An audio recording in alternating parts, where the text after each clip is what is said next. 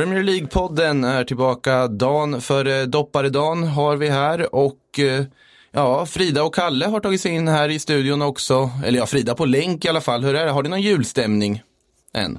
Eh, alltså det är ju ganska varmt för att vara mitten på december och solen lyser och sådär. Men det är jättefint. Och jag har en liten, liten gran som jag sitter och tittar på just nu. Alltså det är ingen gran, det är plast och den är, ja, det är mer en dekoration. Men eh, lite julstämning har jag faktiskt. Har du något Trelleborgs eh, julpynt också i den granen då eller? Nej, det har jag inte. Men koppen jag dricker ur är en Trelleborgs kupp. Eh, kupp? Trelleborgs kopp. Har du börjat snacka svengelska nu? uh, gud, jag är den nya Victoria Silvstedt. Ja, det, precis. Det kommer mer och mer. Ja. ja härligt. Uh, Kalle, hur är det din del? Eh, jo då, det är väl under kontroll. Eh, drog ju en visdomstand där i början av förra veckan så var ju lite sargad men eh, nu har det ju ordnat upp sig tycker jag. Nu kan jag ju till och med gapa stort och det underlättar om man ska snacka ordentligt i en podd. Ja, vi kunde ju snacka lite här i helgen nu. Det var ju ett eh, klubblags-VM som vi visade här på Sportbladet. Eh, en final, Liverpool mot Flamengo. Och i och med att just Liverpool var med i den finalen får vi väl ändå konstatera lite kort att Liverpool tog den där titeln också. Vann med 1-0 efter en förlängning, en spännande match. Vad tyckte du, Kalle? Eh, ja, precis. Flamengo bjöd ju på bra motstånd. De hade ju en hel del eh, välmeriterade spelare, ett koppel av spelare som vi känner igen från de stora ligorna i Europa och även en hel del brasilianska spelare som var eh, riktigt, riktigt fina. Vi fick ju ett par nya favoriter du och jag där, bland annat William Arao och Henrike. Så att eh, det var ingen sådär eh, enkel match. Det var uppenbart att det var lite komplicerat för Liverpool att möta en annan typ av fotboll som de inte ställs mot i vanliga fall, den där tekniska sydamerikanska fotbollen. Men eh, de har ju den där förmågan nu för tiden att de hittar ju alltid ett sätt att vinna och det har inte så mycket med tur att göra utan till 90 procent handlar det om skicklighet, att de har så otroligt många olika verktyg när det handlar om att eh, såra sina motståndare och eh, det gör att förr eller senare så hittar de en av de där eh, strategierna eh, och eh, det brukar räcka nu för tiden eftersom de samtidigt är så homogena eh, som lag och det, det är bara att lyfta på hatten. Det, det är en otrolig resa de har gjort. Nu är inte det här den tyngsta titeln såklart, men jag tror att det, det känns nog ganska bra att få kalla sig världens bästa lag. De får ju spela med den här guldbadgen, men jag hörde någonting om att den inte kommer tillåtas i Premier League. För att det finns vissa liksom, tröjregler, man måste ju ha bestämda nummer och så vidare, liksom designen och så. så att, eh, men det är i Champions League får de väl i alla fall använda den om jag har förstått det rätt. Eh, oavsett så Liverpool alltså på pappret nu alltså bäst i världen och laget som alla då vill jaga och det gäller ju även i Premier League. Eh, Tottenham och Chelsea, de har ju en bit upp till Liverpool minst sagt, precis som alla andra lag, men det var ju en extremt händelserik match vi fick se här igår på Tottenham Stadium. Ja, eh, alltså jag vet inte ens var jag ska börja eh, när man, man pratar om man, den matchen. Man kan väl börja i och för sig så att vi går åt rätt håll med att det blir liksom lite gladare här inför julen som kommer och så vidare. Att börja med det absolut tråkigaste. Att de tragiska rasistpåhoppen som Antonio Rydiger drabbades för under matchen som gjorde att matchen bröts också. Eh, så där eh, Rydiger efter också gått ut och sagt att ja, det här är någonting vi verkligen måste prata om. Skrev på Twitter, för det får inte fortsätta ske. Vi får inte glömma bort att detta sker.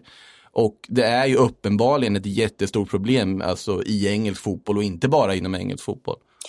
Ja men absolut, det är ju faktiskt flera incidenter som har inträffat kring just eh, Spurs eh, supportrar också eh, på sistone kan man lägga till. Men framförallt så tycker jag det är viktigt att de ser till att markera och att det lyfts mer med tanke på att de har så himla mycket att säga om alla andras rasism. Ja, men då tänker jag inte minst på när det engelska landslaget har varit ute i Europa och vi vet vad som hände i Bulgarien var det va och Montenegro mm. också. Ehm, och de har väldigt mycket att säga om Italiens sätt att hantera rasism inom fotbollen på också. Så att på det sättet så tycker jag det, det är bra att eh, en sån här grej sker och att det tas på allvar direkt. För att Eh, man kanske ska se till att rensa ut eh, sin egen garderob innan man ger, på, ger sig på någons, någon annans. Det är något oerhört farligt känns som och vanligt nu för tiden att man det, det är skrämmande också, man börjar nästan vänja sig vid att de här rubrikerna kommer. Och att andra liksom och, och så vidare, ja men man fördömer andra fans och samtidigt så är det först när det sker på ens egen hemmaplan som man på något sätt reagerar på det. Det är skrämmande utveckling, väldigt svårt att veta hur man också liksom kan hantera det. Man måste ju ta i mycket hårdare än vad man gör framförallt. Jag vet inte hur du upplevde det Frida med med vad heter det, speakern pratade väl ut under matchen också och så vidare flertalet gånger som jag förstod det. Ja, alltså vi sena, inte direkt när det hände, men jag tror inte att han själv förstod eh, vad som hände. Utan det tog ett litet tag innan man fick veta vad det var som eh, hade mm. inträffat. Men jag tyckte att det, det hanterades väl bra. Eh, att eh, Taylor eh, liksom samlade Eh, Harry Kane och Aspilicueta var det väl som var framme där och snackade. Han pratade med Mourinho, han pratade med Lampard. Eh, nej, men det är väl precis så det ska gå till. Och sen var det väl Rydiger antagligen som tyckte att man skulle spela vidare. Så att, eh, jag tyckte man skötte det bra igår. Och förhoppningsvis så kommer det bli färre eh, incidenter framöver. Eh, och vidare då istället till fotbollen då som spelades, eller rättare sagt så varken Paolo Gazzaniga eller Hyun Min Song kanske liksom var rent fotbollsrelaterade missar de gjorde, men vad säger vi? För det var ju två rejäla Spurs-hjärnsläpp, eh, förutom att Chelsea spelade väldigt bra i den här matchen och att Tottenham inte spelade så bra, som ändå liksom vände den här matchen till Chelseas fördel, Det vart ju en 2-0-seger då, där William gjorde båda målen. Hur eh, upplevde ni de situationerna som var? Nej men alltså, det var väl lite som Mourinho sa, alltså han erkände ju, först och främst ska man ju påpeka det här med att Lampard eh, kände väl att han behövde ändra på någonting efter den här eh, horribla insatsen mot Bournemouth eh, förra helgen. Så han valde alltså att ställa ut en, eh, ett sorts eh, 3-4-3. Eh, vilket fungerade utmärkt mot Spurs. Alltså jag vet inte, Mourinho verkade helt tagen av detta. Eller Spurs verkade helt tagna av detta i alla fall med tanke på att eh, ja, men Alonso och Aspeliketa de klev ju ut och eftersom de var wingback så klev de ut och liksom drog isär hela Tottenham-försvaret. Var på William och Mason Mount utnyttjade de luckorna genom att kliva lite inåt. Alltså det var, det var en ganska enkel justering eh, men som funkade väldigt, väldigt bra. Å andra sidan så Eh, kan jag hålla med Mourinho om att målen kommer ju sig av att eh, alltså Spurs-spelarna gör misstag. Eh, Aurier är ju alldeles för avvaktande där när eh, William drar in 1-0 eh, efter eh, hörnan. Exempelvis. Också inte minst då Gazzaniga som Eh, alltså jag undrar egentligen hur många poängtapp eh, han har orsakat i Tottenham sen han blev eh, första målvakt Eh, där istället för jurist. För att det, det börjar bli en hel del nu och det är väl klart att man undrar lite vad, vad Anthony Taylor tänkte på eh, när han tyckte att det skulle vara frispark för Gazzaniga först. Eh, på det sättet var det ju tur att, att VAR klev in där eh, och rättade till det. För att eh, de flesta kunde ju se att det var väl klart att det skulle vara straff till, till Marcus Alonso. Så att ehm, Nej men där, där håller jag med eh, Mourinho och sen när Son får det här röda kortet då är det ju game over. Eh, då, då, blir det ju eh, i princip omöjligt att, att komma tillbaka. Eh, men eh, imponerande av Chelsea. Eh, tycker jag verkligen. Och eh, det kändes aldrig riktigt som att Tottenham fick någon särskild kontroll över matchen. Inte ens efter paus när de ändrade genom att plocka av Eric Dyer och sätta in Christian Eriksen. Så att, en väl, väl genomförd eh, matchplan.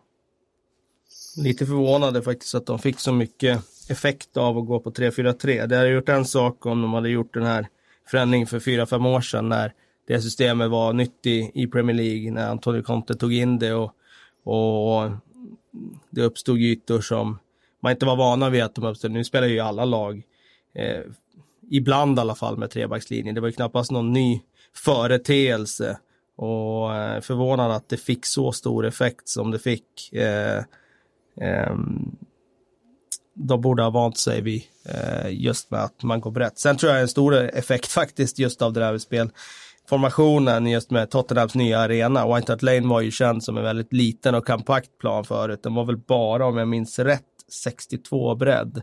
Och nu går de på 68 bredd på den nya och det är 6 meter skillnad där. Eh, kan ha varit 63 också bredd på White Hart Lane. Men de fem eller sex meter gör ju enorm skillnad om man spelar med vingbackar just för att det blir så mycket meter att löpa ut på för eh, eh ja, Tottenham i det här fallet. Eh, lite förvånad Mourinho som, som är en väldigt skicklig matchcoach. Han brukar vara otroligt bra förut på att liksom hantera när eh, motståndare gör vissa saker så, så kan han parera det.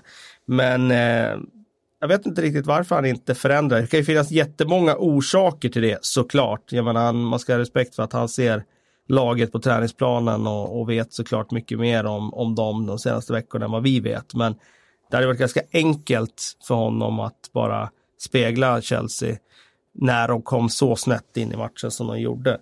Sen är det inte säkert att anfallsspel hade blivit bättre av det, men jag tror att de hade kunnat hantera dem bättre försvarsmässigt än vad de gjorde i första halvlek där. Eh, det var intressant tycker jag också med Aurier. Det är han som ger bort första målet eh, helt och hållet. Han börjar ju med att nicka ut en boll ganska omotiverat i hörna.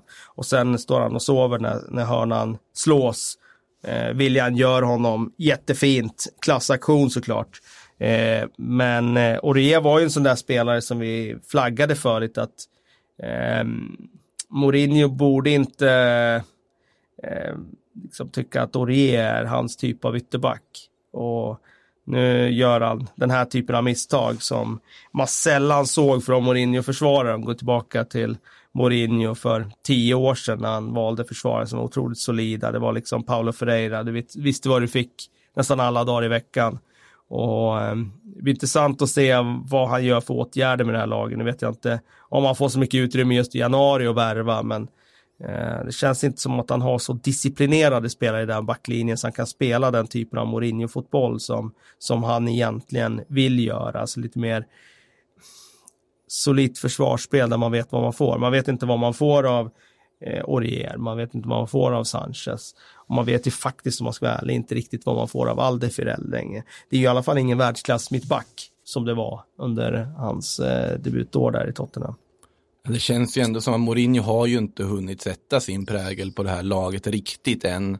Samtidigt som han på något sätt har anpassat sig, förutom att han på något sätt har känts väldigt mycket mer sympatisk utanför planen på ett helt annat sätt, blivit nya snälla Mourinho.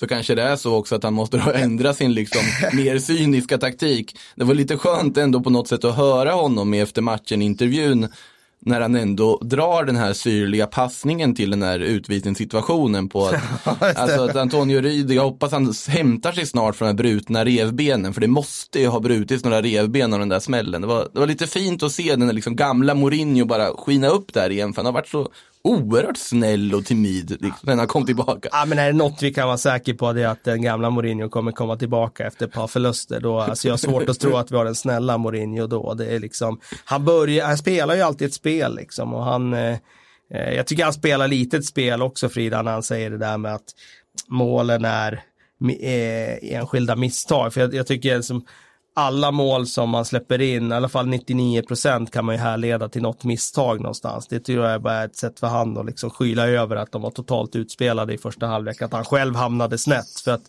ehm, Ja, jag vet, till, hans, till hans försvar så sa han han sa att de var superior. Ja, alltså han ja men det, det, det, det han använde mäktiga ord. Så att, um, uh, han, han erkände ju absolut, för övrigt så var ju, om ni tyckte liksom tv-intervjun var, var var kul så var ju presskonferensen en otrolig upplevelse. Eh, det var, det var ju verkligen... Berätta. Den, ja men det var ju verkligen det gamla Mourinho. Eh, där allting är ett spel, precis som du säger, från början till slut.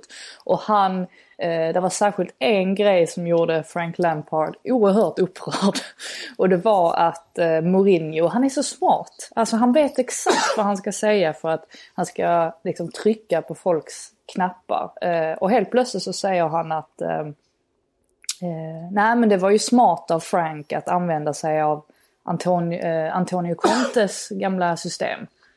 Eh, ja för det är de här spelarna känner ju till det systemet. Ja, ja precis. Och Conte, ja, exakt. ja, men Contes system det, var, det är ju väldigt bra. Eh, och Aspilicueta och Alonso har ju spelat väldigt mycket i det. Och så gick han, gick han, höll han på med det väldigt länge. Så det blev liksom som att, eh, ja visserligen så hyllade han Conte, han hyllade ja. Frank Lampard, men ändå inte. Men, ja. han gav ja, det, cred för det.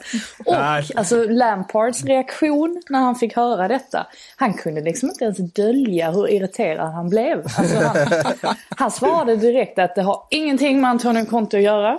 Eh, två tredjedelar av det här laget spelade aldrig under Antonio Conte. Eh, jag gav spelarna helt andra instruktioner än vad Antonio Conte brukade göra. Eh, ja, men det, var riktigt, det var riktigt känsligt och det var väl för att ja, han var... Det, det är ju fruktansvärt kul ja, faktiskt. Man såg ju hur mycket den här segern betydde för Frank. Alltså särskilt efter matchen när han liksom går fram till supportrarna, sliter av sig sin jacka och kastar upp den på, på läktaren. Alltså den här, jag har inte sett honom så här glad under hela hösten. Så att det var säkert därför han tillät Mourinho att eh, trycka lite på, på hans knappar för att han var så otroligt emotionellt eh, investerad. Men eh, han fick också frågan, är du fortfarande kompis med Mourinho? Och då svarade han lite sådär lurigt att eh, ja, det får man väl vara liksom. Så att eh, ja. de verkar ändå vara on good terms det, det, är uppenbart att deras relation inte är vad den var en gång. Alltså, eh, mm. det, det, är ganska enkelt även för oss på utsidan att läsa igenom. Sen har det skrivits en del om det i England, har noterat också just att deras relation har förändrats. Och det, det märkte man ju redan i premiären där när Mourinho satt i tv-studion och sågade Mason Mount. Helt oförklarligt tycker jag, för att jag tycker han var jättebra i första halvlek mot Manchester United där. Och Lampard var ju helt frågande efteråt hur Mourinho kunde kritisera Mount efter den insatsen.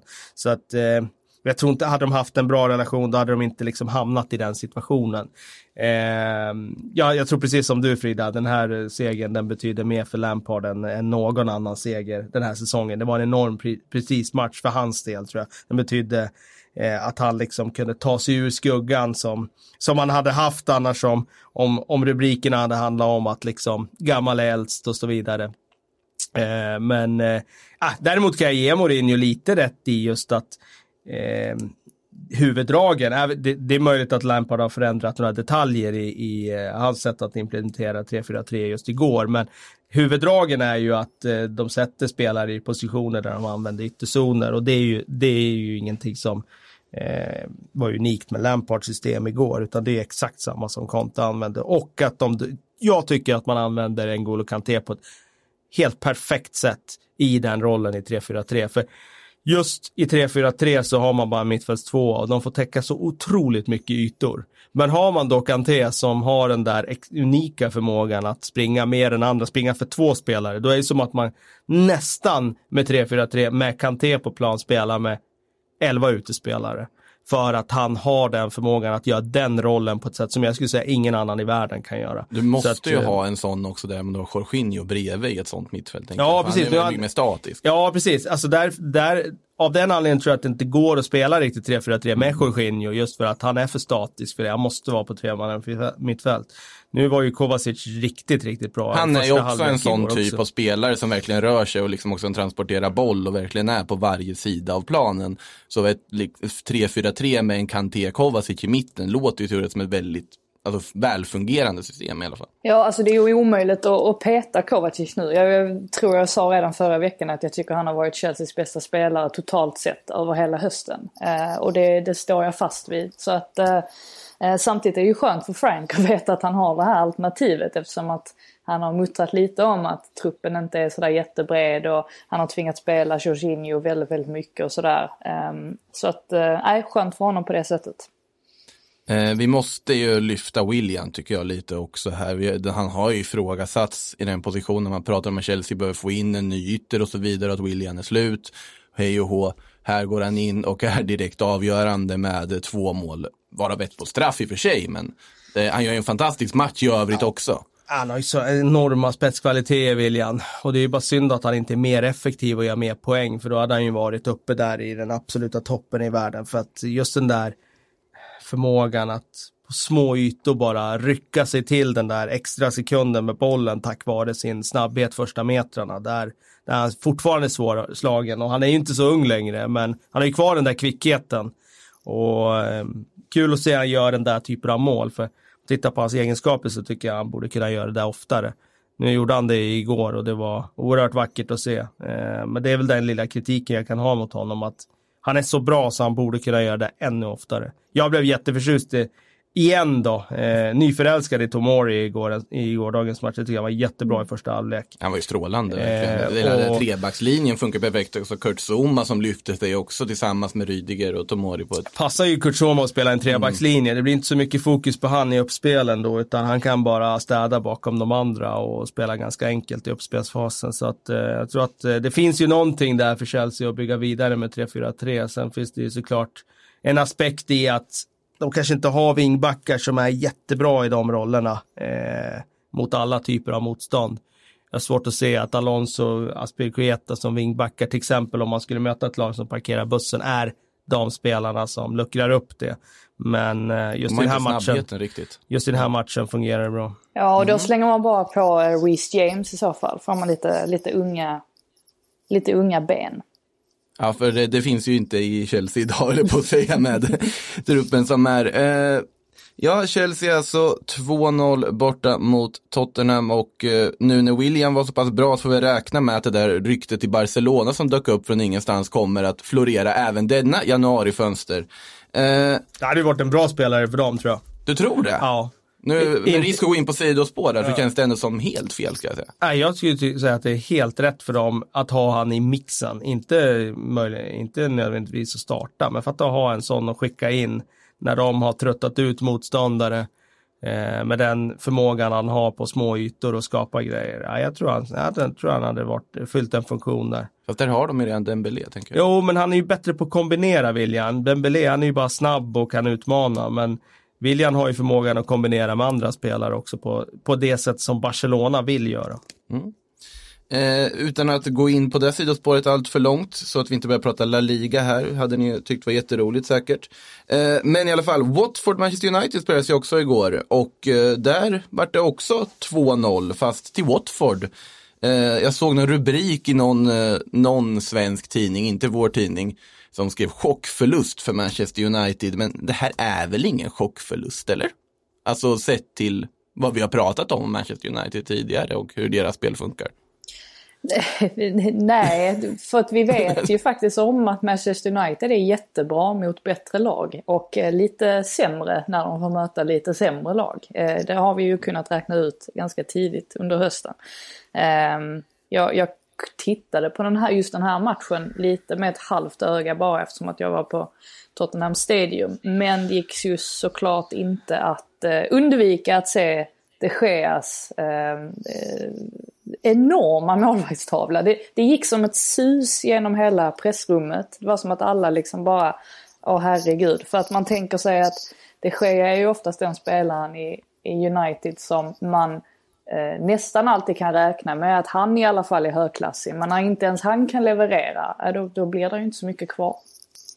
Han har ju vacklat ganska rejält under det här kalenderåret och nu är det väl extra mycket eh, fokus på just hans misstag eftersom han gjorde en blunder mot Everton också. Jag hävdar i och för sig att det var frispark och hade de dömt frispark där så hade vi inte pratat om det alls. Men det blir ju ändå så att det blir någonstans slutresultatet vi, vi diskuterar och nu har han två eh, misstag då på, på två matcher. Och, eh, det är klart att eh, den sista utposten som har varit så otroligt liksom, värdefull för Manchester United under de här tunga åren. Eh, där det förmodligen varit ännu tyngre år om inte han hade varit liksom, världsklass under van Gaal, under Mourinho och så vidare. Eh, nu har de inte den att luta sig mot heller. Och det är klart att då, då blir det jobbigt. Jag såg ju den här matchen, inte så mycket i första halvlek, eh, men jag kollade väldigt noggrant i andra halvlek. Och det vi kan konstatera är ju att eh, det vi har tjatat om egentligen i den här podden hela hösten, sa redan inför säsongen också att det var ju ganska uppenbart att eh, United blev ett omställningslag under eh, senare delen av Mourinho, eh, egentligen eh, sessionen. Solskär tog det egentligen ännu längre. De mötte rätt många bra lag där när han hade sina smekmånader och de gjorde bra resultat med att spela med fart och omställningar. Och de har liksom inte tagit sig ur det. Eh, de har en seger på tolv matcher den här säsongen när de har haft mer bollinnehav än motståndarna. Och det, liksom en gång är ingen gång, två gånger absolut. Men när det blir så här tydligt eh, att de vinner matcher när motståndarna har bollen och de förlorar när de själva har, då är det, det är så uppenbart vad problem, problemet är. Dels är det ett problem från ledarsidan. De har inte en tillräckligt tydlig idé kring hur de ska spela och jag säger det, det är det absolut svåraste som finns i fotboll. Det är ju att driva matcher, det är ju att skapa mot lag som bara försöker neutralisera. Så det är inte enkelt. Och då står du ofta och faller också med kvaliteten på dina spelare. Och där har jag sympati med Solskär. Det är därför jag inte vill säga att han är en katastrofalt dålig tränare. För jag tycker verkligen att de har inte tillräckligt bra lag för att vara Manchester United med allt vad det innebär. När hela omvärlden tycker att ja, men ni ska ju dominera matcherna. Ni ska ju eh, styra och ställa och vinna ändå på beställning. Så bra lag har de inte. Det går inte att spela med ett mittfält med Fred och McTominay när du ska vara liksom kreativ och börja såga upp lag som du möter i Premier League som håller hög nivå och bara går in för att försvara. Det, jag, jag tror inte det spelar någon roll om du hade haft eh, eh, en bättre tränare. Det, det, hade, det hade sett bättre ut, men det hade inte sett så bra ut som vissa tror att de bara hade liksom trätt upp lag på beställning. Men det är en aspekt. Sen är det ju en aspekt i att när Paul Pogba kommer in på plan så blir det så en enorm skillnad på just det här sättet. Det, det är det jag känner att jag tror att Solskär måste landa i och han och hans coachteam måste landa i att de är två helt olika lag och de måste spela på helt olika sätt beroende på vilka de möter. När de möter de bättre lagen, då kan de spela med Fred och Mike där inne, för då handlar det bara om att springa och täcka ytor, vinna andra bollar och spela enkelt ur och snabbt framåt till sina omställningsspelare. Men när de möter de sämre lag, då måste de helt och hållet skifta balans. Ta Watford igår, de mötte ändå jumbon. Måste de spela med ett dubbelblock med två defensiva?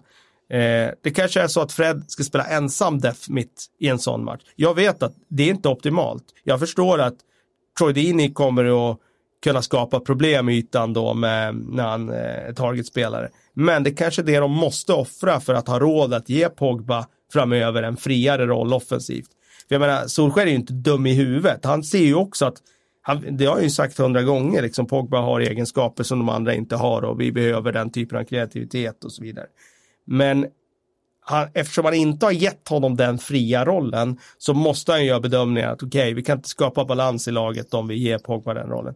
Men nu när det blir så många dåliga resultat mot de sämre lagen, då måste de ju leta efter sätt att eh, åtgärda det här. Och jag tror att man tittar på matchen igår så de skapar ju jättemycket chanser faktiskt. Sista 12 minuterna i matchen. Ja, de kommer ju igång där sista 10 och plötsligt vaknar till liv. Och det är ju Pogba bland annat som ligger bakom. Ja, alltså Pogba där. har ju två fenomenala bollar. Dels en till Rashford där eh, mottagningen inte blir så bra. En till Mason Greenwood där Greenwood ska göra det betydligt bättre än mm. att lobba den tre meter över. Men han kommer undan för han är inte Jesse Lingard. Ja, precis. lobben utan att såga Ja, exakt. Lingard hade ju blivit mer sågad för den lobben än vad Jag tänkte bara i första halvlek som Lingard drog liksom helt fri och sen... Eh, ja, det var ju ett tecken på en spelare som saknar självförtroende. Men... Eller tvärtom, för mycket självförtroende. Ja, antingen eller. Men eh, det var i alla fall fel beslut av en spelare som inte har gjort några mål under 2019. Men eh, det var uppenbart att de skapade väldigt mycket chanser sista tio och jag tror att eh, det finns eh, en, en förmåga att skapa de där chanserna, men då måste de offra balansen. Jag tror att det är värt att göra det. Alltså, de måste få första målet i matcherna. Får de första målet i matcherna, då kan de spela sitt omställningsspel sen. Men får de inte det, när de Gea tvålar in en boll som igår, ja men då blir de otroligt, eh, liksom, eh, vad ska jag säga, slätstrukna. Och det var de ju så länge matchen stod 0-0. För även om det var jättekul att Watford vann igår med Nigel Pearson och ny tränare och de kan få ett lyft. Jag tycker att det är ett lag som är bättre än att ligga där i träsket. Så det var ju inte någon supermatch av Watford heller. Alltså nej, jag tyckte nej. det var två riktigt dåliga lag i första halvlek av det jag såg då. Och det var ju ett lag som, ja, Pearson har ju gått in för att nu ska vi stänga bakåt, vi ska vara tajta där och sen får vi ta det som ramlar ner. Och igår var det en målvaktstavla av de Gea som satte dem i förarsätet och sen gjorde Ivan Besaka faktiskt en ganska otajmad tackling, för en gångs skull ska vi sägas, eh, som gav en straff. Och det räckte till seger igår, men jag tror att eh, de har ju såklart fått eh, någon, något form av hopp av den här segern, men de behöver spela bättre framöver de också. Jag tror ändå att det finns viss skuld att lägga på Solskjaer här sett till att han bevisligen byggt ett lag. Valt att värva spelare för att spela den här typen av fotboll. Han har ju haft väldigt stor makt och en liksom skattkista eller vad det är att jobba med under den här sommaren.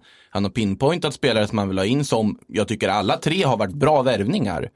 Men samtidigt så har han ju liksom fastställt att det är den här typen av fotboll vi spelar, det är de här spelarna jag satsar på. Att man spelar ändå en fotboll där ja, man helt enkelt inte kan skapa när man har för mycket boll. Du har Rashford, Martial och så vidare som kommer som spjutspetsar, kontringsspelare rakt av.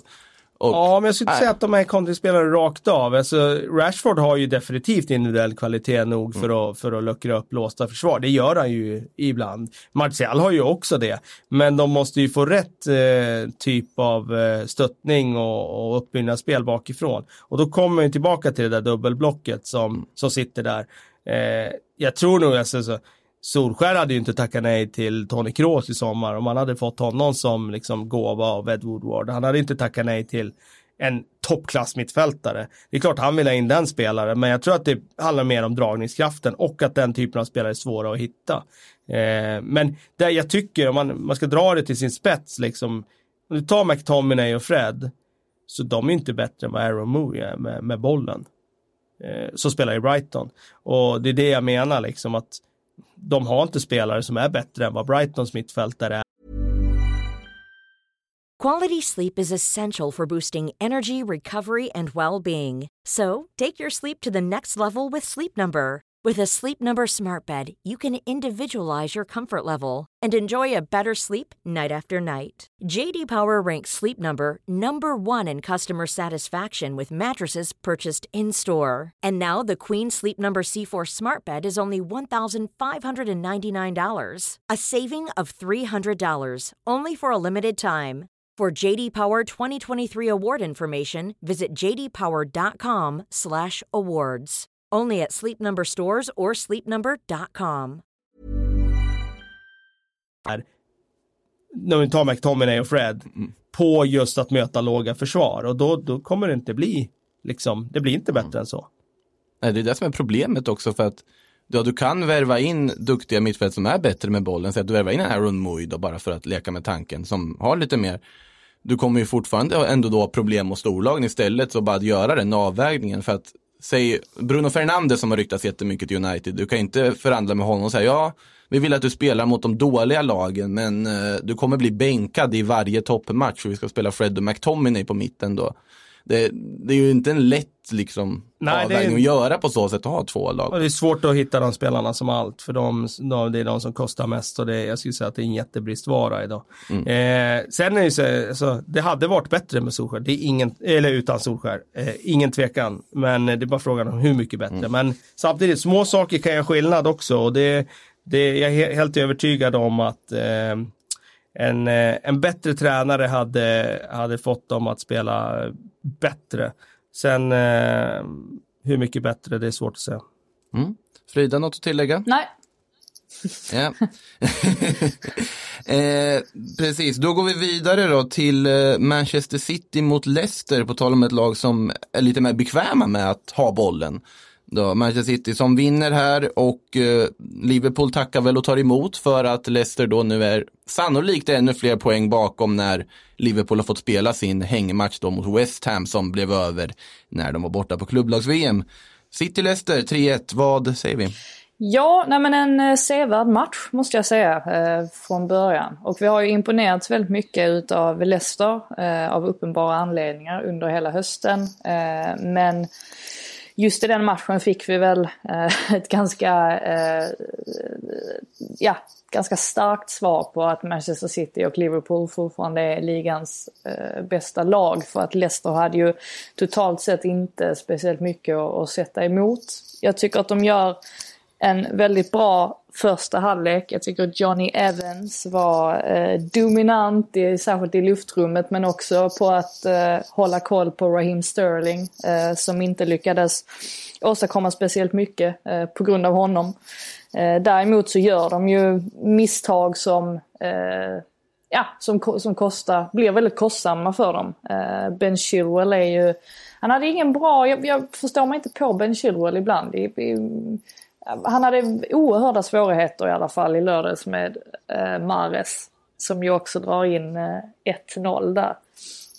Eh, och sen är det otur, ut, uh, nu kan jag inte ens prata. Eh, nej, 1-0 var det ju inte, det var ju 1-1 för att precis, jag kommer, Vardy jag gjort mål kommer, innan jag där. kommer till Vardys eh, genialitet. Men eh, det, det blir ju också eh, tungt där när liksom Pereira gör en ganska klumpig tackling på, på Sterling som det blir ju liksom tio, nio gånger av tio så blir det ju straff oavsett om VAR finns eller inte. Um, och som då också gör liksom att City kan, kan koppla grepp. Men de visade ju, eller Leicester visade ju att City fortfarande har eh, en del svagheter och det är ju i, i backlinjen och med när, när de möter en typ av spelare som Jamie Vardy som nästan i princip helt på egen hand kan, kan göra saker och dra in mål. Eh, då har de det tufft och jag menar 1-0 målet där som han gör är ju fantastiskt och eh, Evan ska ha lite cred för det också för att det är han som vinner tillbaka bollen där eh, från Jesus tror jag det är. Ehm, och det är det som startar hela anfallet. Så att Leicester har ju givetvis sina eh, nej, men sina, sina uppsidor och, och saker som de gör riktigt, riktigt bra. Men eh, totalt sett så var de ju, hade de ingenting att sätta emot i den här matchen. Eh, särskilt inte sen när Kevin De Bruyne återigen visar, sin, eh, visar upp sina kvaliteter där i, i andra halvlek. Mm. Eh, man måste ju så fråga sig, även om det är ett Manchester City de möter, det är ändå poängtapp mot Norwich, förlust här nu mot City. Eh, hur ser det ut för Leicester i fortsättningen här med alla de här matcherna som kommer här under mellandagarna och så vidare? Tror ni att det kommer ett ras från dem eller kommer de fortsätta att klamra sig med där uppe i toppen? Jag tror de fortsätter klamra sig kvar, men jag tror inte att de klarar att haka på det där tempot som går där uppe på de där två. Och framförallt av Liverpool som är dragloket. Eh, de har inte riktigt så bred trupp så de ska kunna hantera eh, kanske hantera julperioden nu, det vet vi inte. Men kommer de ha så eh, eh, ha, ha så eh, mycket energi kvar att hålla uppe nivån sen under våren? Det, jag tror inte det. Jag tyckte det var klasskillnad i den här matchen alltså. Eh, och jag tror att hade inte liksom de neutrala någonstans hållit på Leicester City i den här matchen så, så hade ju man eh, liksom slå fast att det var större skillnad än vad de har fått credit för City. Men alltså de spelar ju ut dem fullständigt i första halvlek. Jag tyckte det var, det var som att se lag från olika divisioner och det säger väl mer om Manchester Citys högsta nivå som de kan plocka fram då och då. Inte så ofta den här säsongen, men då och då gör de ju det och då är de ju fenomenala. Det är ju det att de, problemet, som, precis som du säger, har ju varit att de inte lyckas plocka fram den här nivån hela tiden, som har varit fallet de senaste säsongerna, att man är liksom helt ostoppbara i princip, att det bara sköljer över vilket motstånd det än är. Och eh, det är väl på något sätt för City-anhängare så är det väldigt skönt att se en sån här match när man ändå går ut mot tabell tvåan och gör en sån här match och liksom kör över dem på det här sättet. Det är nog ganska viktigt för fortsättningen kan man tänka sig. Ja, men de har ju vaknat till liv lite nu också. Det är, eh, särskilt där också på The Emirates när de eh, gör i princip samma sak. Alltså de, de kliver ut och så vinner de en match hur enkelt som helst i princip. Och de, liksom Pep tycker inte ens att de spelar bra i den matchen och ändå vinner de med 3-0. Det säger ju ganska mycket. Så att, nej, de har ju verkligen kommit tillbaka. Men på ett sätt så är det ju, är det ju trist för att ja, men titelstriden är ju redan över. Alltså på grund av deras poängtapp. Eh, det är i alla fall det som är känslan att det ska ha väldigt mycket till nu ju eh, såklart för att de ska kunna komma ikapp. Så på det sättet är det trist men däremot eh, så kan man ju, kan man ju tänka sig att ens Champions League-tips där med Manchester City som, som vinnare, det är inte helt, det är inte helt orimligt att det blir så. Ja, fast Real Madrid i åttondelsfinal, vet du, det, det är ju inte någon lätt lottning de har fått, Manchester City. Ja. Eh, men Herregud. jag tänkte dock på ordet trist som du nämnde tidigare, för det är väl en bra segway till Everton Arsenal, eller? 0-0, alltså, det var ju en bedrövlig fotbollsmatch alltså. Måste jag ändå säga. Jag vet att det, det har blivit en grej av att kalla den bedrövlig också. Den har kanske hypat ut den sämsta matchen någonsin och hej och hå. Men det var ju verkligen inte en bra fotbollsmatch. Ja, det var ju en själlös match mellan två lag eh, som eh, sprang runt utan någon själslig ledare. Eh, De satt ju på läktaren. Ja, precis. Och det var ju eh, bara unikt bara det. För jag, jag kan inte minnas att det kan ha skett förut i Premier League att två lag springer runt med en tillfällig tränare och den eh, blivande tränaren sitter på läktaren på varsin vippstol och, och övervakar. Och det var ju ganska uppenbart att varken Carlo Ancelotti eller Mikael Arteta var så speciellt roade över vad de såg. De måste ju ha tänkt att vad, vad jag gett mig in på. Samtidigt så eh, det var ju uppenbart tyckte jag att eh, Duncan Ferguson, han var ju nöjd med så länge Everton inte förlorade matchen. Ja, nu visar ju jättetydligt efter signalen att oh, en poäng mot Arsenal. Ja, det... precis. Och jag menar, han går ju därifrån nu och är obesegrad och det är därför han känner att han eh, kommer ju undan på, på ett ganska bra sätt med sin interimstid där. Eh, men de hade ju kunnat gjort mer, Everton. De hade ju eh, Arsenal were there for the taking, som man, som man brukar säga i England. Och det hade de bara tryckt på och gasat lite så hade de kunnat gå hem med tre mm. poäng. Mycket väl för Arsenal kändes oerhört svaga. Ja, det var en fruktansvärd match. Det var, det var, det var nästan smärtsamt att bevittna det för att det blev nästan komiskt till slut. Att eh, två lag som egentligen har så mycket kvalitet kan prestera så svagt som de gjorde. Mm. ska säga, så här, Everton kändes ju ändå som det laget som var närmast att faktiskt få med sig någonting från den här matchen. Hade ju ändå vissa halvchanser och möjligheter där som skapades. Men Ja. ja men alltså om vi tar, om man pratar om startelvorna först och främst så när man tittade på, på Evertons startelva kontra Arsenals startelva så slogs man ju av att Evertons var ju snäppet bättre. Eh, sett till då om man skulle eh, lägga ihop alla positioner. Eh, jag tror i och för sig att Ljungberg var eh, ganska nöjd eh, i hemlighet av att han fick slänga in ännu fler eh, tonåringar i, i startelvan. Han, han gillar ju det och det är ju tydligt att hans senaste juvel är Emil Smith Rowe. Um, men uh, nej, alltså de... Um, det, det, det, um, när man har ett sånt orutinerat lag så det, det, det syns ju ganska tydligt. Uh, oroväckande också när Granit Xhaka är en av de bättre spelarna med tanke på att han förmodligen uh, har gjort en av sina sista matcher nu och pratar om att han ska lämna, lämna klubben och det blir ju inte bättre heller när man inte kan, eller som Ljungberg då som valde att inte använda Mesut Özil på grund av vad som hände.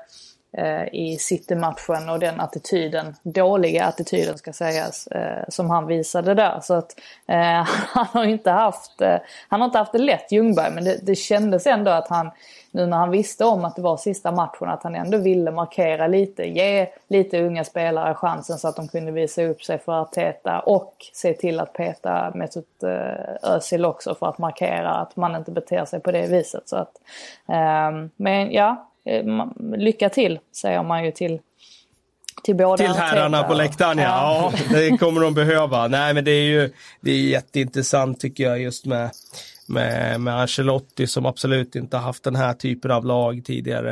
Eh, den här typen av ombyggnadsprojekt och liksom utveckla spelare. Alla har ju haft de här topp, topplagen där man går ner och spelar kvadraten på träningen och håller alla på gott humör och sen sköter det sig själv för att de har så mycket individuell kvalitet att de kan städa undan vilket motstånd som helst när de har sin dag. Och där tror jag han passar perfekt, i alla fall förr. Eh, tiden har ju sprungit ifrån honom lite grann. Hans senaste tränaruppdrag har ju inte gått så bra och så kan man peka allt, liksom, kan man alltid göra på liksom att han har vunnit tre Europacup-titlar och så vidare. Men det är, ah, ja, ja, jag tycker hjulen snurrar så pass fort idag så att är du inte liksom på dig och vill förändra liksom, dig och hänga med i utvecklingen, då, då, då blir det lätt att du blir frånsprungen. Och jag känner nog att tiden har sprungit ifrån honom lite grann. Så det blir intressant att se om han grejar det här med Everton. För det som sagt, det kommer kräva sin, sin ombyggnads eh, eh, ja, idé för att eh, de, eh, de har inte liksom klarat av att göra något trots att man har trott på dem inför varje år nu och det kommer nya unga spännande tränare varje år och man har tänkt att nu, nu borde det funka för Everton men det har inte gjort det.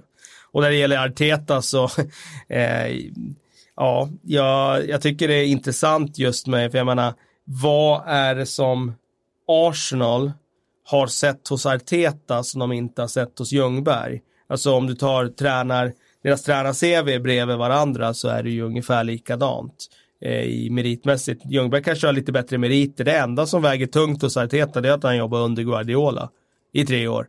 Och eh, man kan alltid dividera om hur mycket, liksom, hur bra skola det är och sådär. Det vet man ju sällan. Det är inte alltid liksom, bra Ass, liksom, ASS-tränare som har jobbat under bra, skickliga managers har klarat av att hantera den rollen själv. Eh, Carlos Queiroz är väl ett exempel till exempel.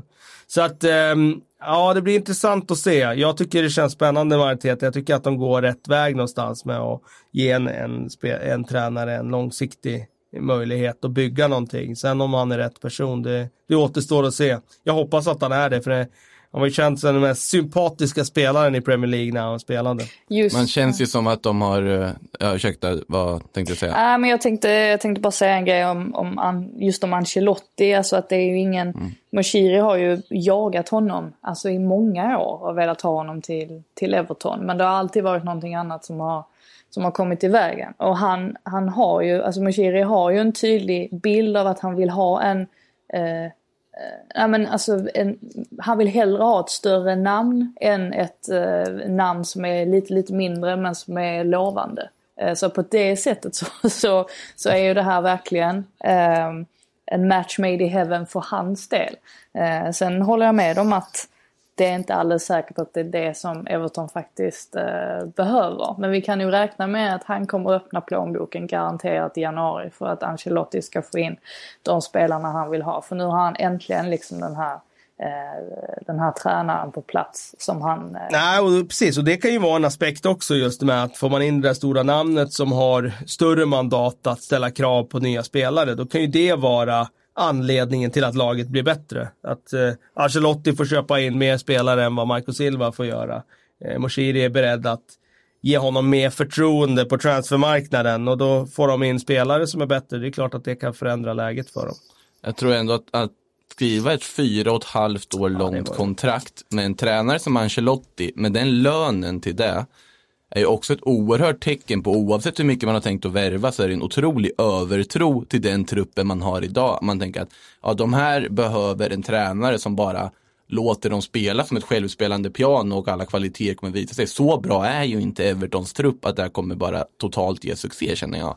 Och Nej, på så sätt så är det, känns ju Ancelotti som en underlig rekrytering eller en väldigt riskabel rekrytering att göra, särskilt på ett så långt kontrakt. Vi vet ju inte om det finns utvägar i det där kontraktet. Jag mm. hoppas för Evertons del att det finns det. Jag håller med dig om att fyra och ett halvt år är ju helt hisnande med tanke på att Dels är det väldigt få tränare överhuvudtaget som stannar i fyra och ett halvt år i en klubb och när det gäller Ancelotti har han väl aldrig gjort det, ja, det var väl i Milan då, men det är väldigt länge sedan nu och som sagt hjulen snurrar fort nu. Det, det går inte att ställa ut den där julgranen som man gjorde med Rui Costa och de där i, i Milan för 15 plus år sedan och tro att det fungerar på samma sätt idag. Det har vi sett ganska många gånger att eh, det, det, handlar om att förändra sig med tiden och det, det tycker inte jag han har gjort. Ja, För det är ett Everton som idag inte har någon liksom grundläggande så här, spelmässig idé till att börja med. Ja, men, alltså Duncan, ja. ni, ni, kan vara lugna, Duncan Ferguson kommer fortfarande sitta på tränarbänken och ingå i staben så det är det är lugnt. Poängen jag kommer vet inte komma. Om det, jag vet inte om det är bådar för att vi kommer få mer spelmässig Nej, precis. Det är det som är grejen. Jag tror att han, han funkar ju jäkligt bra som interimstränare och gå in och skrika lite grann. Men eh, det blir intressant att se deras samarbete där. Eh, det, ja, det blir spännande. Angående Arteta måste man väl också säga att om man tittar på en annan tidigare assisterande till Guardiola så kan vi ta Tito Villanova som ett exempel på någonstans det gick väldigt bra. Som var fantastisk i sin tränarroll i Barcelona och tyvärr verkligen inte fick fortsätta där då. Eh, men ja, ju... men, men, men det är ju en annan typ av bakgrund där. Han hade mm. jobbat i La Masia innan och byggt upp sig med liksom enorm, ja, också, ja. enorm erfarenhet av att träna inom den bästa akademin i hela världen som den var då. Så att det är jätteskillnad tycker jag på det. Det finns ju exempel på liksom, där man har gått från assist, liksom, assisterande rollen till en toppklubb. Gary Neville gjorde ju det. Han hade ju varit assisterande tränare i Englands landslag och gick och tog Valencia sen och det gick ju som det gick. Sen tror jag väl i och för sig i det fallet att just engelsmän i Spanien, jag tror inte de, de, de har svårt att lyckas överhuvudtaget där. Alltså jag, Uno dos tres för att citera David Moyes. Men, ja. Alltså jag är inte så skeptisk längre till, till Arteta. Alltså jag tycker att ju mer man tänker på det så desto mer logiskt känns det. Eh, eller logiskt, men desto mindre som en risk känns det, eh, tycker jag. Alltså bara kolla på Lampard. Ja visserligen så hade han Eh, Derby, så att det är väl klart att han, att han fick eh, erfarenhet av, av det året. Men han hade ju inte erfarenhet i överflöd när han tog över Chelsea. Eh, jag tror det, det i slutändan handlar det väl om vilket Alltså vilket fotbollskunnande man har. Och Arteta, sett till vad alla säger om honom och Guardiola, mycket han har litat på honom, så verkar han ju eh, vara oerhört skicklig taktiskt. Men eh, ja, vi får väl se.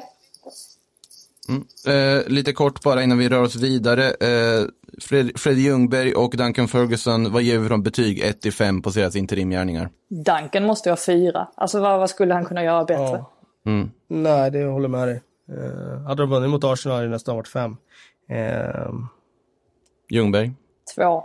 Ja, ja, knappt två. Det är en svag tvåa i så fall. Ja, visst, han har inte haft någon backroom stuff eh, som han hade velat och så vidare. Men det där känns också som en så här, jag menar, det är en ganska kort period. Du ska bara in och köra. Då behöver du inte ha någon jättestor stab, utan det handlar ju mer om att och gå in och eh, göra jobbet under en kort tid. Det har inte blivit någon positiv effekt alls på något sätt. Så att för mig är det en svag två. Yeah. Eh, vidare då till övriga matcher. Det har spelat fler matcher också. Vi får skynda oss lite för det var ju mycket att prata om i de första matcherna här vi har snackat om. Norwich Wolves 1-2.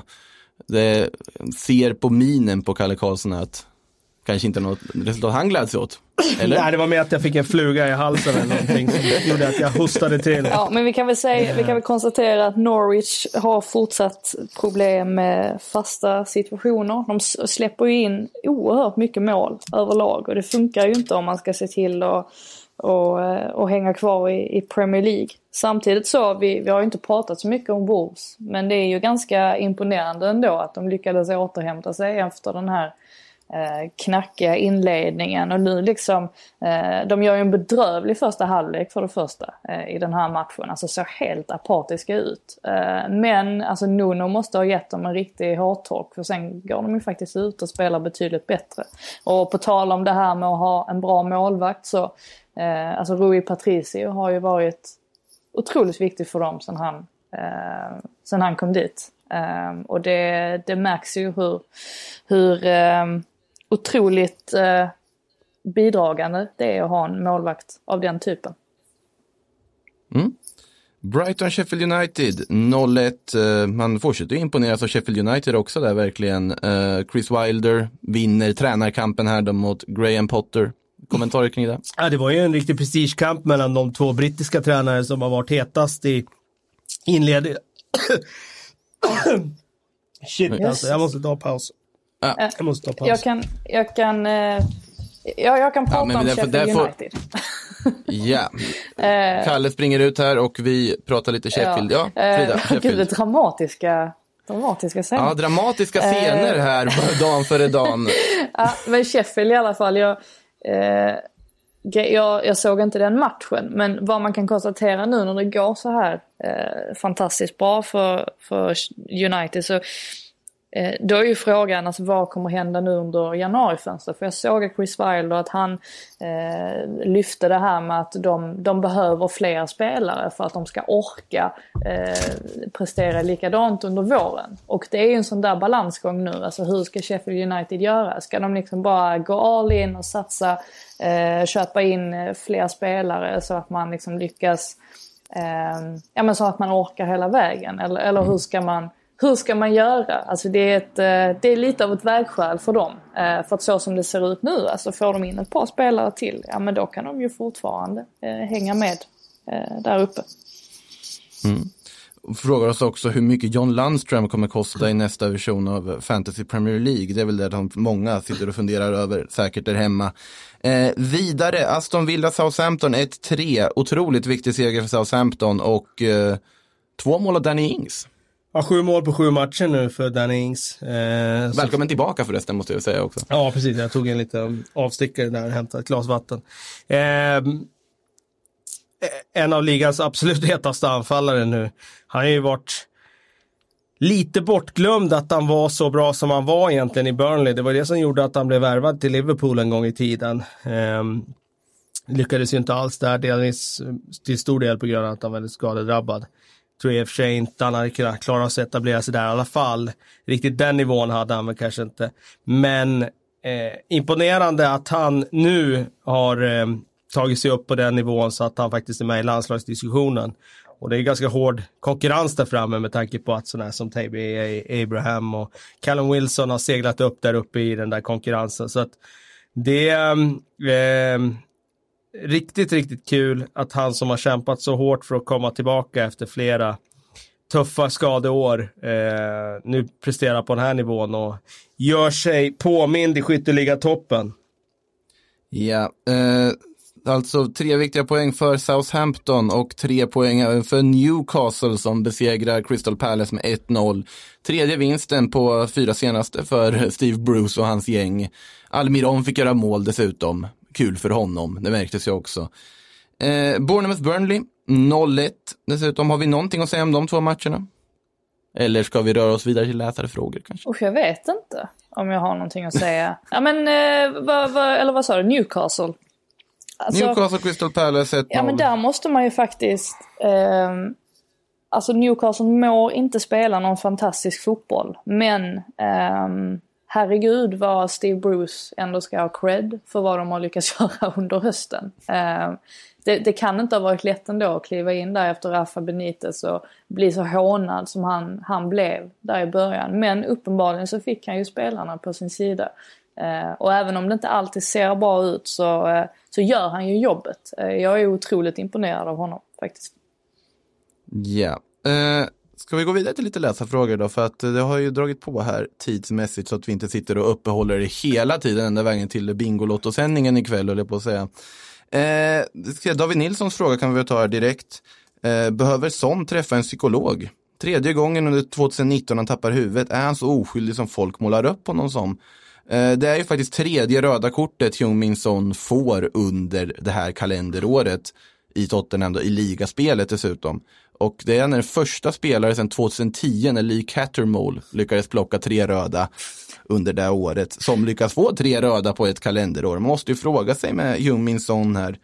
Han tappar ju humöret ganska lätt ändå, känns det ju som. Ja, han gör ju några sådana här lite dumma efterslängar. Jag för mig att, nu minns jag inte exakt var det är och hur, men jag för mig att han har haft någon till som inte har gett honom rött kort som skulle ha kunnat gjort det. Däremot ska vi säga så att det röda kortet han fick i matchen mot Everton där i samband med skadan på André Gomes, det var ju inte värt rött kort utan det var ju snarare en oturlig eh, liksom tackling som gav en väldigt olycklig följd. Men eh, det är ju den där typen av grejer man inte får göra som man gjorde igår, det vill säga eftersläng som, som är så onödig, sätter laget i, i eh, trubbel. Och ja, jag tror att han, han har någonting just med, med sitt temperament att jobba med för att eh, han gör den där typen av lite efterslängar lite för ofta. Alltså det känns ju, om man tar den där Everton-tacklingen så håller väl inte jag helt med dig sett till att även om det såklart inte fanns en intention att skada på det sättet som han gjorde mot André Gomes så fanns det ändå någon form av liksom hämndtanke i den duellen, att han jagar upp och går in i den tacklingen. Sen så det var en väldigt stor diskussion efter det här kortet också med tanke på sånt reaktioner och så vidare. Men att det ändå finns någon form av tanke att ah, men nu ska jag ge igen. Och bara den, att den tanken väcks upp där kan man ju liksom ifrågasätta känner jag. Ja, absolut. Samtidigt, det sker ju ganska ofta och då brukar domarna ändå nöja sig med gult kort. Så att, eh. Men vi ska inte fastna i den. Men eh, det, han, eh, gjorde en dum grej igår. Eh, oavsett om Rydiger bröt några reben eller inte så, så, så innebar det att han fick rött kort. Han satte sin, sina lagkamrater på pottan. Han kommer att bli avstängd och han har inte hjälpt sin fotbollsklubb. Så att han, eh, han behöver komma till rätta med det där. Mm. Mackan, signaturen här, frågar varför får Gündogan så mycket speltid? Han är en habil truppspelare, inget mer. Jag vet inte riktigt om jag håller med om det. Jag tycker ändå han är en ganska nyttig mittfältare. Nej men det har väl varit för att eh, de har ju flyttat ner Fernandinho där. Eh, mm. De känner väl att de behöver ett dubbelblock nu då när Fernandinho inte kan täcka den där ytan. själv som han har gjort så förtjänstfullt i så många år. Och då, då har han ju en funktion att fylla där, eh, Gündogan.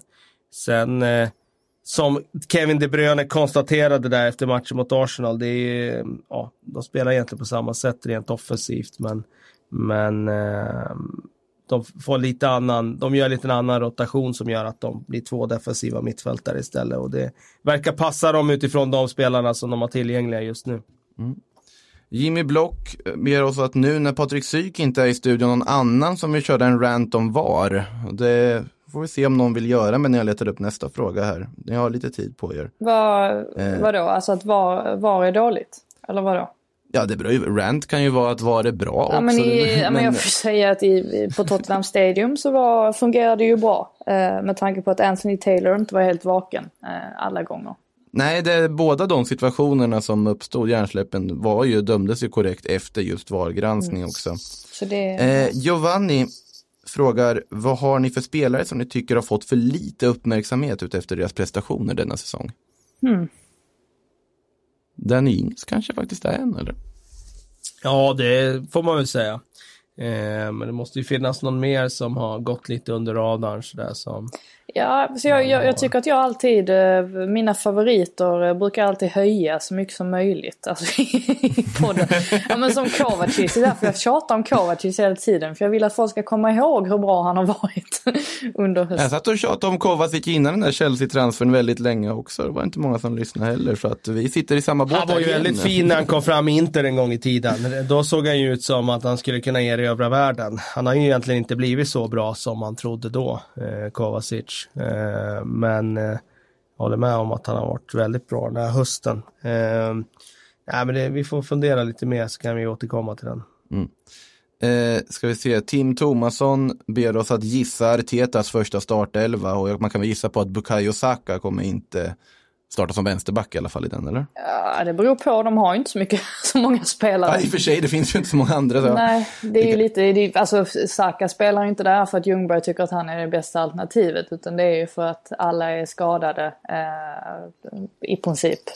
Um, så att nej, det vi kan, det vi nog kan slå fast är väl att jag hade ju ändå blivit förvånad att se Mesut Özil igen med tanke på att eh, liksom Ljungberg var så otroligt tydlig i sin eh, kommunikation kring honom. Eh, mm. då, då hade det varit eh, speciellt att se Arteta ta tillbaka honom omedelbart. Men man vet aldrig. Eh, jag vet inte riktigt hur han, eh, hur han tänker alls. Och han har ju inte jättemånga spelare att, att välja bland heller. Så att, nej, vi får väl se. Ja, det blir intressant den där. Det naturliga är ju när en ny tränare kommer att han tar in den typen av spelare, rutinerad erkänt skicklig spelare in i värmen igen, precis som Ljungberg gjorde.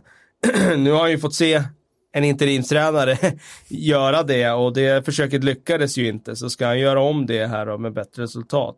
Det, jag blir inte förvånad om man, om man ger honom någon chans. Men samtidigt så det är ju en problematisk situation eftersom de har en del skador. Så det kanske blir som han är inne på lite grann, att han kommer inte kunna göra så många val utan han har det han har när, när han kliver på nu.